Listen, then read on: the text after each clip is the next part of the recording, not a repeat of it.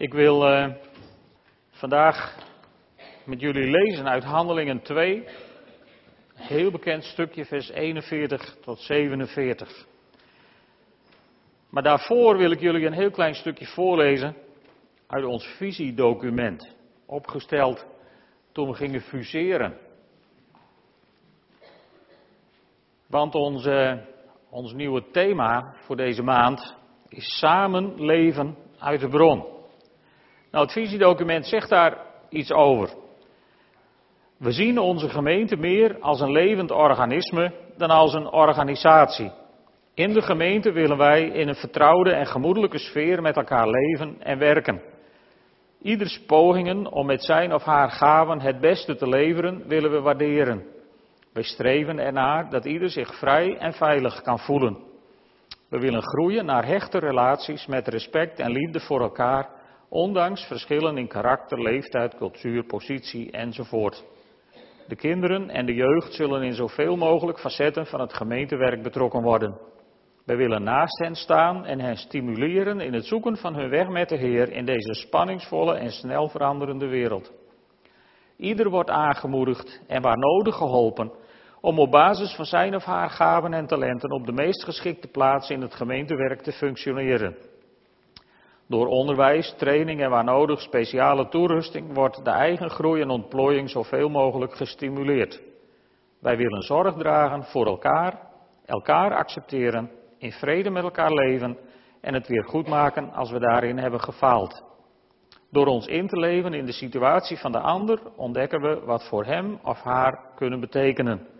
We willen groeien in gastvrijheid en hebben een diep verlangen om ons leven en het leven brengende evangelie te delen met andere mensen.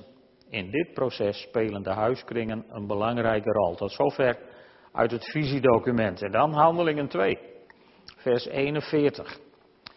Degenen die zijn woorden aanvaarden, dat zijn de woorden van Petrus na zijn eerste preek. Dus degenen die zijn woorden aanvaarden lieten zich dopen. Op die dag breidde het aantal leerlingen zich uit met ongeveer 3000. Ze bleven trouw aan het onderricht van de apostelen, vormden met elkaar een gemeenschap, braken het brood en wijden zich aan het gebed. De vele tekenen en wonderen die de apostelen verrichten, vervulden iedereen met ontzag. Allen die het geloof hadden aanvaard, bleven bijeen en hadden alles gemeenschappelijk. Ze verkochten al hun bezittingen en verdeelden de opbrengst onder degenen die iets nodig hadden. Elke dag kwamen ze trouw en eensgezind samen in de tempel, braken het brood bij elkaar thuis en gebruikten hun maaltijden in een geest van eenvoud en vol vreugde. Ze loofden God en stonden in de gunst bij het hele volk. De Heer breidde hun aantal dagelijks uit met mensen die gered wilden worden. In de Sifra heb ik daar het volgende over geschreven. Dit seizoen hebben we het jaarthema verdeeld in drie subthema's. En nu beginnen we aan het tweede deel. Samen leven uit de bron. En je kunt alleen samen leven uit de bron als je zelf leeft uit de bron. Het woord van God, je relatie met de levende Heer. Als je daar zelf uit leeft, dan wordt het tijd om daar ook samen aandacht aan te besteden. Om samen te leven uit de bron. En, en, en als je regelmatig dezelfde mensen tegenkomt, zoals hier op zondag, dan krijg je automatisch hart voor elkaar. We zijn ook wel eens hard voor elkaar, maar je krijgt ook hart voor elkaar. Je krijgt gevoel voor elkaar. Met de een misschien vriendschappelijker en dieper dan voor de ander. Maar er ontstaat iets. Dat gaat vanzelf. Als je elkaar vaak genoeg ziet, dan gebeuren dat soort dingen. En elkaar omzien in moeilijke tijden en samen feestvieren in goede tijden is van levensbelang voor een geestelijke gezond, gezondheid van mensen. Je bent niet geschapen om alleen te zijn, want dat vond God namelijk in het paradijs al een probleem tijdens de schepping. De mens is gemaakt om contact met andere mensen te hebben en samen God te loven en te prijzen en zijn naam te verheerlijken. En als je dan in handelingen leest over het leven van de eerste gemeente, dan bekruipt mij altijd een beetje een dubbel gevoel. Want alles verkopen wat je hebt en alles weggeven, alles gemeenschappelijk doen en hebben, weet niet hoe het u gaat, maar het is mij net iets te veel van het goede. We zijn toch ook wel een beetje gesteld op onze privacy. Of niet? Dus dat is, dat is wel een heel eind weg. Maar dan moeten we ook niet vergeten, die eerste gemeente in handelingen, die leefde in de heilige overtuiging dat bij hun leven de Messias terug zou komen. In die verwachting stonden ze in het leven. Ik ga meemaken dat Jezus terugkomt. Dus ja, waarom sparen voor een pensioenvoorziening? Waarom zou je moeilijk doen? Waarom zou je zorgen maken voor later? Want binnenkort komt de Heer terug. Dat was wel een beetje de, de hartsgesteldheid van de mensen. Ook een van de redenen waarom ze eigenlijk gewoon alles verkochten, alles gemeenschappelijk hadden, alles uitdeelden. En het resultaat was toen de wederkomst een beetje uitbleef, dat Paulus later in, in, in, in Korinthe en in andere gemeentes moet collecteren voor de gemeente in Jeruzalem. Want toen hadden ze alles opgemaakt. Dat is natuurlijk het risico van, uh, van deze levensstijl. Dus zij verwachten de komst van de Heer Jezus wel heel spoedig. Maar de andere kant is, verwachten wij de wederkomst van de Heer Jezus überhaupt nog wel? houdt u er rekening mee dat 2013 wel eens het jaar zou kunnen zijn? Let goed op mijn woorden, ik beweer niet dat het het jaar is, maar hou je er rekening mee dat dit wel eens het jaar zou kunnen zijn? Of hebben we het ver weggeschoven? Weet je, beide uitersten zijn in mijn ogen niet goed. Zorgeloos worden omdat je denkt dat het er niet meer toe doet, omdat Jezus toch binnenkort terugkomt, dat is net zo ver van de realiteit dan er geen rekening meer mee houden. Want één ding is zeker, Jezus Christus komt spoedig terug. In die verwachting worden wij als kinderen van God geacht in het leven te staan. Daarom heeft Jezus dat ook tegen zijn discipelen gezegd. Ook in gelijkenissen, dat je er klaar voor moest zijn. Dat, dat we bereid moeten zijn om Hem te ontmoeten. En dat is een, een heerlijke stijl van leven. Klaar zijn om Jezus te ontmoeten. Niets tussen jou en Hem in de weg laten staan. Maar opruimen, schoonschip maken in je relatie met Jezus.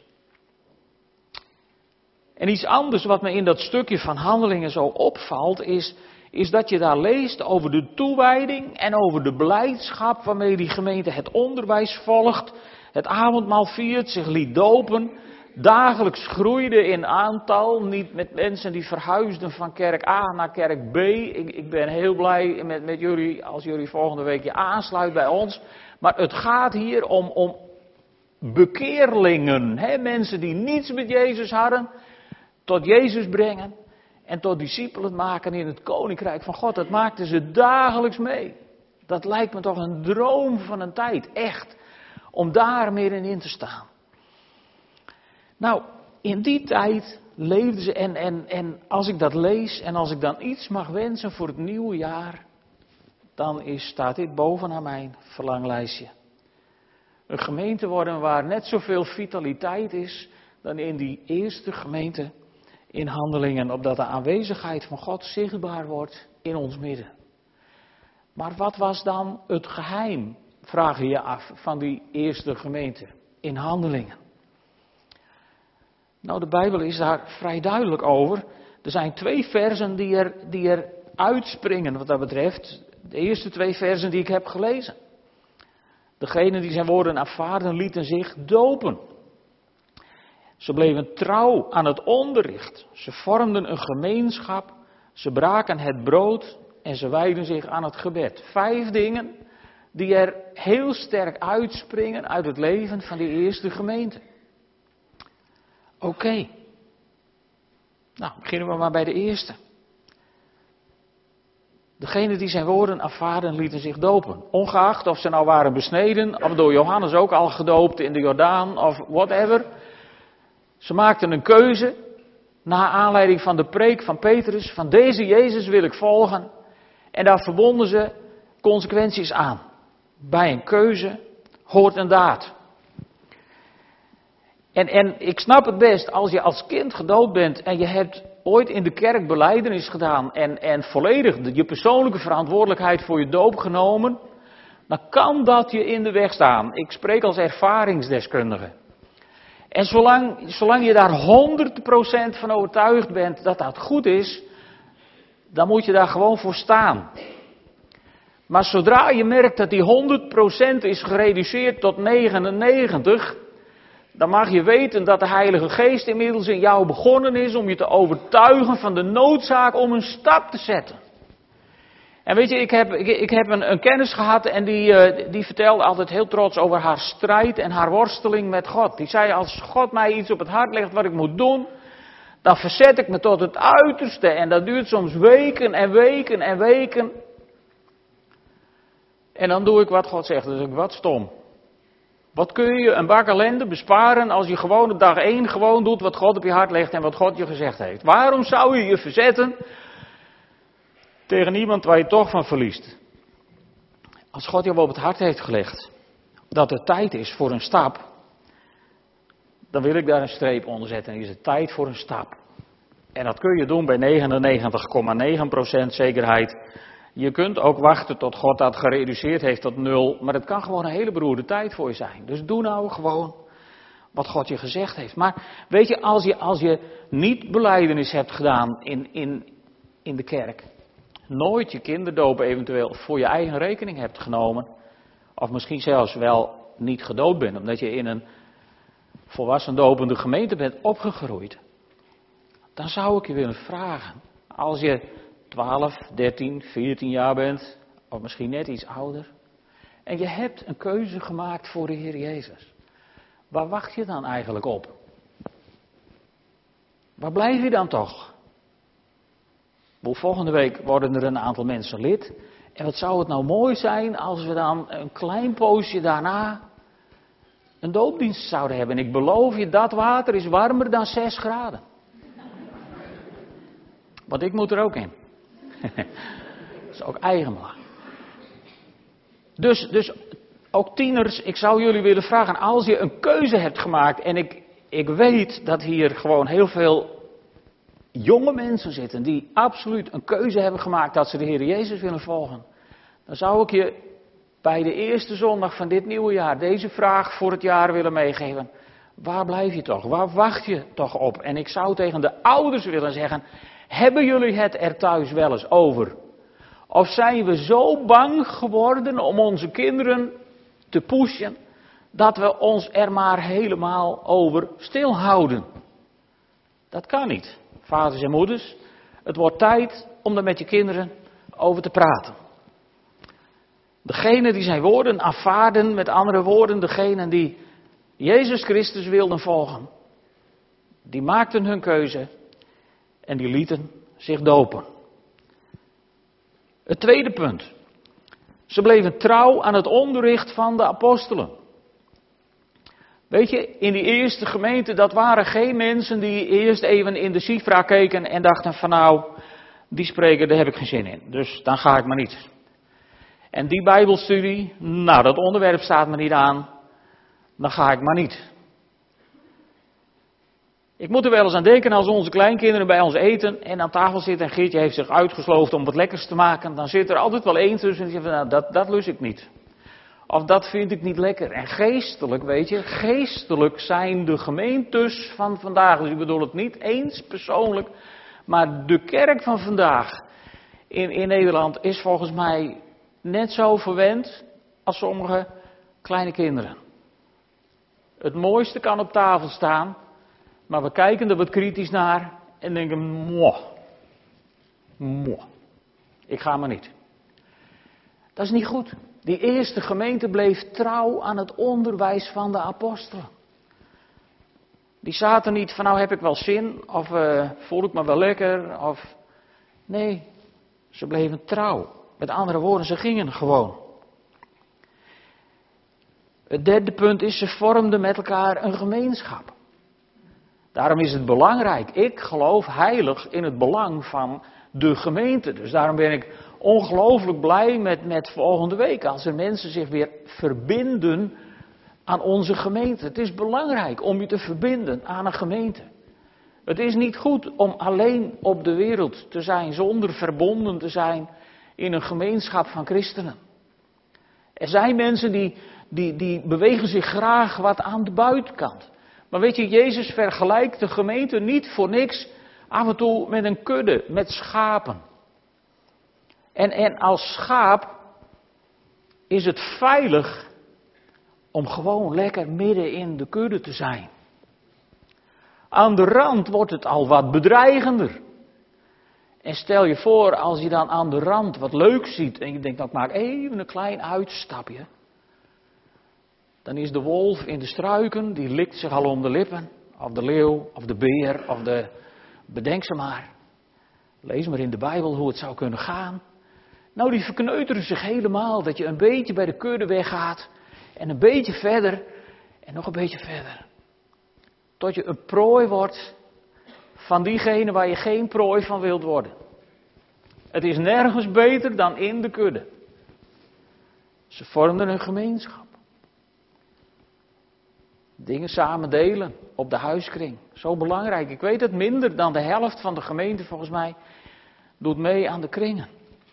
En ik weet wel dat we het allemaal erg druk hebben. Ik ben zelf schuldig eraan dat ik het laatst heb gehad over prioriteiten. En jullie hebben aangemoedigd om dat in de goede volgorde te houden. En daar blijf ik 100% achter staan. Denk om je prioriteiten. Maar zorg ervoor dat je geestelijk niet verhongert. Want eten doe je thuis vaker dan één keer in de week. En hier zijn mensen, en ook thuis zijn vast mensen, die alleen op zondag even naar de kerk komen voor een goede maaltijd. En het daar een hele week op hopen te doen. En dat is niet wijs. Het is niet verstandig. Ze vormden met elkaar een gemeenschap. Ze zagen elkaar vaak. Ze wilden samen leven uit de bron. Ze wilden hun avonturen met Jezus aan elkaar vertellen, samen delen. Dus volgens mij hadden ze ook vaak, ieder heeft iets diensten. En, en, en, en daar genoten ze van. Dat was hun, hun lijstbehoud. Elkaar zoeken, elkaar bij de hand houden en elkaar ook door moeilijke tijden heen helpen. Het volgende punt wat er staat is, ze braken het brood. Met andere woorden, ze vierden het avondmaal. Waarschijnlijk elke keer als ze samenkwamen. Misschien, misschien ook wel wat gefaseerder, dat weten we eigenlijk niet precies. Er zijn kerken waar, waar elke dienst eindigt met een, een avondmaal of een, een, of een eucharistie of, of welke kerk je maar bent. Welke gewoonte ik daar ook als kerk in heb, maakt volgens mij niet zoveel uit. Maar het is belangrijk om af en toe samen stil te staan bij de dood van onze Heer. En, en, en Hem te gedenken in brood en in wijn. Je te realiseren wat Hij voor jou en mij heeft gedaan. Hij stierf voor jou en voor mij een vreselijke dood aan het kruis. Zijn lichaam werd voor ons de dood ingejaagd, opdat wij vanuit de dood waar we waren het leven in mogen wandelen. En zijn bloed, zoals het zo mooi wordt gezegd bij de viering van het avondmaal, zijn bloed reinigt ons van alle zonden. En daardoor kunnen wij vrij en frank voor God staan. Verlost, vrijgemaakt. Hoe je maar wilt. Wij mogen tot God naderen in alle openheid en in alle vrijheid. En het is zo goed om dat met enige regelmaat samen te vieren. Samen vooral. Ook dat zou je alleen kunnen doen. Je kunt ook een stukje brood en een glaasje wijn thuis nemen en denken, nou, dat kan ik ook zelf. Maar het is goed om het samen te vieren. Het is ook goed om daar genezing te verwachten. Wij hebben de, in mijn ogen, goede gewoonte om bij een avondmaalsviering ook gebed aan te bieden voor mensen die dat nodig hebben. Omdat ze ziek zijn of een ander probleem hebben of in nood zijn ergens over. Weet je, in de eerste gemeentes, de eerste eeuw zeg maar, of twee eeuwen misschien wel na Christus, zijn er brieven gevonden van oude kerkvaders met prachtige getuigenissen over mensen die tijdens een avondmaalsviering genezen werden, bevrijd werden. En toen gingen mensen plotseling het brood en de wijn aanbidden als iets heiligs. Sommige kerken hebben dat nog. Als iets heiligs. En, en, en het werd zeg maar, van, van het brood en van de wijn verwacht. Niet van de Heer van het brood en de wijn. En toen, toen heeft de kerk in mijn ogen een hele fatale vergissing gemaakt. En toen heeft de kerk gezegd, weet je wat, wij eh, stoppen met dat gebed voor zieken bij het avondmaal. Want mensen verbinden daar verkeerde conclusies aan. In mijn ogen, maar ja, ze praten achteraf natuurlijk, dan, dan ben je altijd wijzer dan de mensen toen. In mijn ogen hadden ze beter er goed onderwijs op los kunnen laten en was blijven bidden. Ik ben zo blij dat we dat hier samen weer doen. Dus als je ergens mee worstelt, als je denkt, ik, ik, heb, ik heb een bijzondere aanraking van de Heer nodig, laat het je dan vandaag niet ontglippen. Maar maak je keuzes. En dat brengt me bij het vijfde punt, gebed. Ik heb in de Sifra iets geschreven over, over gebed. Met de vraag of er mensen zijn die daar met mij wat verantwoordelijkheid voor willen nemen. Er is, zeggen en schrijven, één heel kerklid bij mij geweest. Gebed is niet iets wat, wat meer massaal leeft in, niet alleen hier, in gemeentes. Het is een noodlijdend iets in, in, heel, in het hele kerkelijke Westen, mag je wel zeggen. Waar veel gebeden wordt, waar massale bidstonden zijn, waar mensen met huid en haar zich in, in, in gezamenlijk gebed gooien, is, in, is in, in, in China, waar het niet mag. In Noord-Korea, waar het je je leven kan kosten. In, in trouwens in heel Azië, in Afrika, in Zuid-Amerika. Bidstonden waar de kerken te klein zijn om de bidders met z'n allen te bergen.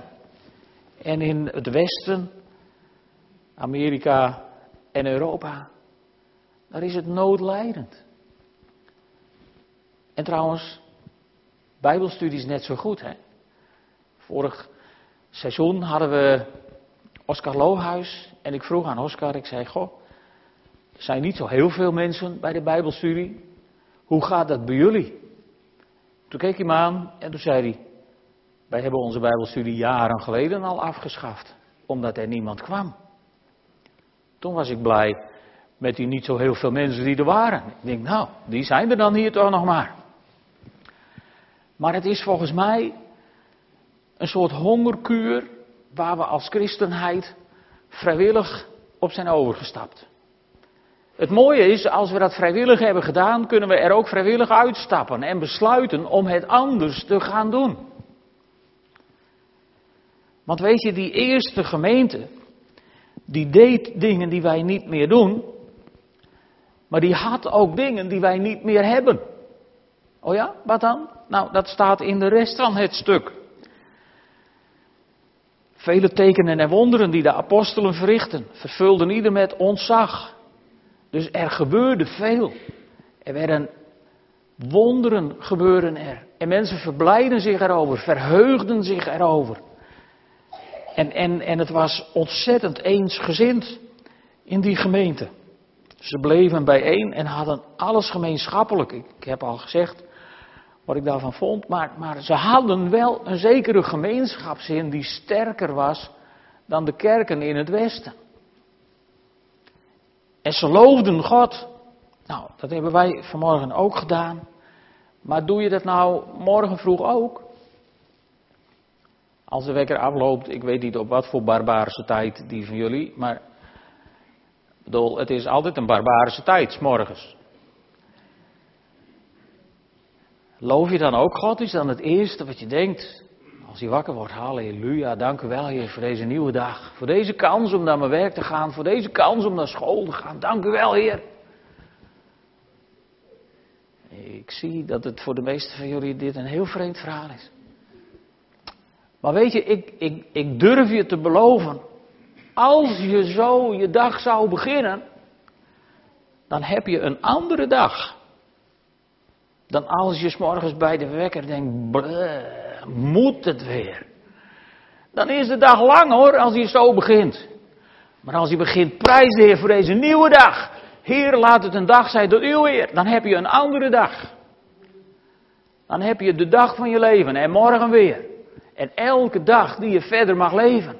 En zo zou 2013 een superjaar voor je kunnen worden. Dan is crisis helemaal niet zo interessant, joh. Wat kan ons die eurocrisis schelen? Je geloofscrisis, waar we met z'n allen in West-Europa in terecht zijn gekomen, is veel belangrijker. En het mooie is, die is veel goedkoper op te lossen dan de eurocrisis. Want de Heilige Geest is ons niet met mate gegeven, maar die is ons in een oneindige overvloed gegeven. Zodat we, zodat we zeg maar, boven bidden en denken door God voorzien kunnen worden van de kracht en de energie en de levenslust die we nodig hebben. En ik hoop zo, ik bid zo, dat je daar dit jaar een vinger achter kunt krijgen in je eigen leven. En kunt zeggen, yes, yes, prijs de Heer voor deze nieuwe dag, prijs de Heer voor dit nieuwe jaar. Zodat we Weet je, zodat, zodat we op zondag bij elkaar komen, zo overstromend, zo bruisend van wat we de afgelopen week allemaal met God hebben beleefd. Dat, dat we eigenlijk door dat met elkaar te delen niet meer toekomen aan de preek en aan al het gedoe. En dat we tot vijf uur koffie drinken omdat we niet uitverteld raken over wat we met God hebben beleefd. Ik, ik fantaseer misschien een beetje, maar mijn droom voor 2013 is dat die vitaliteit die ik lees in die eerste gemeente, dat die vitaliteit ons deel zal worden. En dat je niet meer denkt, dopen zal ik wel of zal ik niet. Maar dat je denkt, dat je helemaal gewoon zo niet meer denkt, maar dat je, dat, dat je zegt van Heere God, ik wil achter u aan, ik wil meer met u, ik wil die stap zetten. Ik heb gekozen om Jezus te willen volgen. En ik ben ergens in de tienerleeftijd misschien. En vader en moeder vinden het goed. Hier kom ik aan. Ik daag je uit. Ik daag je uit. Ik daag ons uit als gemeente om samen het woord van God te bestuderen. Niet alleen thuis Bijbel lezen, dat is heel belangrijk en dat moet je vooral blijven doen, maar ook samen. Ik daag je uit als gemeente, inclusief mijzelf, om je enthousiast in te zetten voor de huiskringen.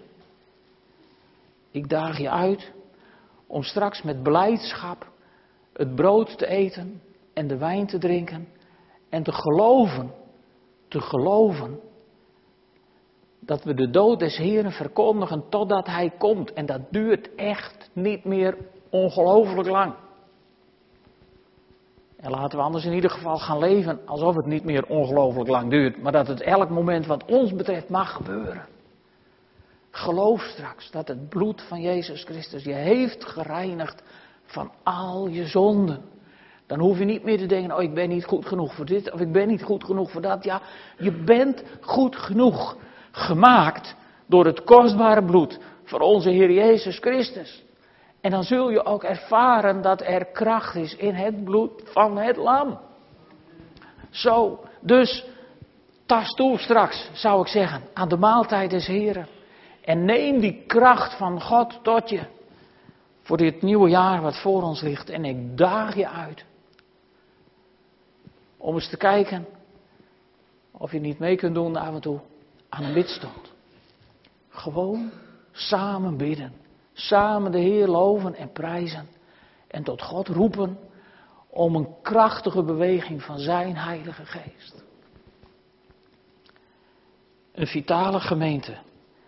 Waarin vreugde, eensgezindheid, het loven van God, het respect van de omgeving. En, en, en dat wonder dat mensen die niks met Jezus hebben, ineens zeggen, maar dat wat jullie hebben, dat wil ik ook. Weet je, dat is mijn droom. Dat mensen tegen ieder van jullie gaan zeggen, goh, waar ben jij zondag geweest?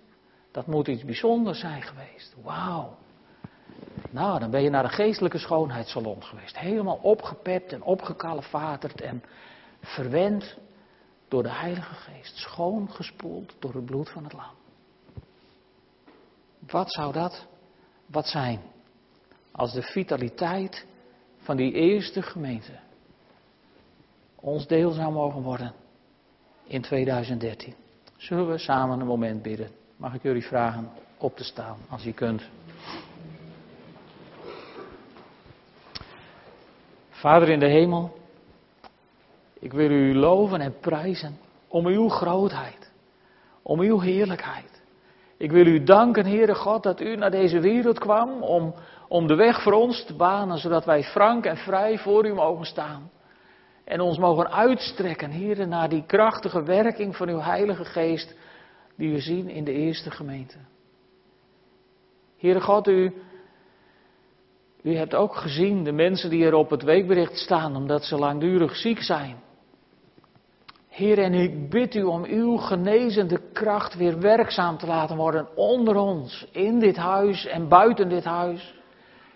Heere God, doet u een machtig werk onder ons en in ons.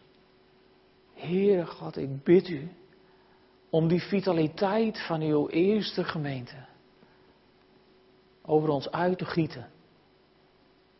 Heer, en ik ben me bewust dat dat misschien stof zal doen opwaaien. Maar Heer, wat kan het schelen als u het bent?